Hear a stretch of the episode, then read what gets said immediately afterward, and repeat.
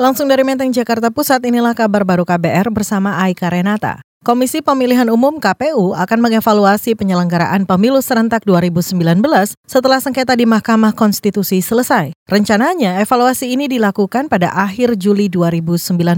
Ketua KPU Arief Budiman menyatakan KPU akan mengevaluasi semua kinerja, termasuk pemisahan Pilpres dan Pileg pada pemilu selanjutnya. Setelah sidang MK selesai, nanti akhir Juli atau paling lama awal Agustus, baru nanti kita lakukan evaluasi. Ya semua jenis, uh, semua tahapan yang sudah kita jalankan. Ketua Komisi Pemilihan Umum KPU Arief Budiman menyatakan saat ini KPU akan menunggu hasil keputusan MK terkait sengketa Pilpres 2019. Arief menyatakan akan terus mengumpulkan data pelaksanaan pemilu untuk bahan evaluasi. Menurutnya, pengumpulan data untuk evaluasi dapat mewujudkan pemilu yang lebih baik di periode selanjutnya. Kita beralih, Saudara Badan Meteorologi, Klimatologi, dan Geofisika BMKG memperkirakan curah hujan tinggi berpotensi terjadi di sejumlah wilayah di Indonesia hingga 15 Juni 2019.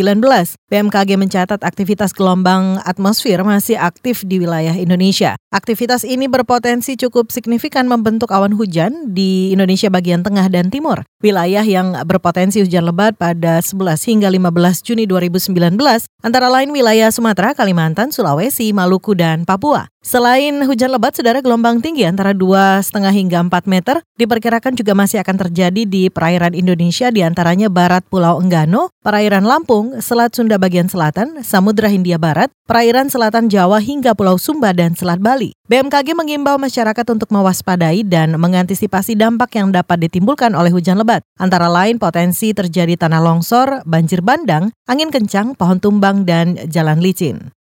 Kita menuju informasi lain, kali ini Gubernur Jawa Timur Kofifa Indar Parawansa meminta petugas survei untuk mengecek barang impor lebih teliti. Pengecekan ini dilakukan untuk mencegah masuknya sampah limbah plastik ke Jawa Timur. Menurut Kofifa, lembaga survei Pabean harus berani memberikan sanksi jika importir terbukti mendatangkan barang yang tidak sesuai spesifikasi. Bahan baku kertas ternyata di dalamnya ditemukan plastik. Jadi lembaga surveyor siapa pun itu memang harus lebih teliti dan memberikan strict punishment kalau ternyata barang yang diimpor itu tidak sesuai dengan nota. Gubernur Jawa Timur Kofifah Hindar Parawansa juga berharap ada revisi mengenai peraturan Menteri Perdagangan mengenai jenis barang yang boleh impor. Revisi ini menurutnya dapat mengurangi jumlah impor sampah yang masuk ke Surabaya. Sebelumnya, Provinsi Jawa Timur dan Batam menjadi tujuan utama impor limbah sampah dari luar negeri.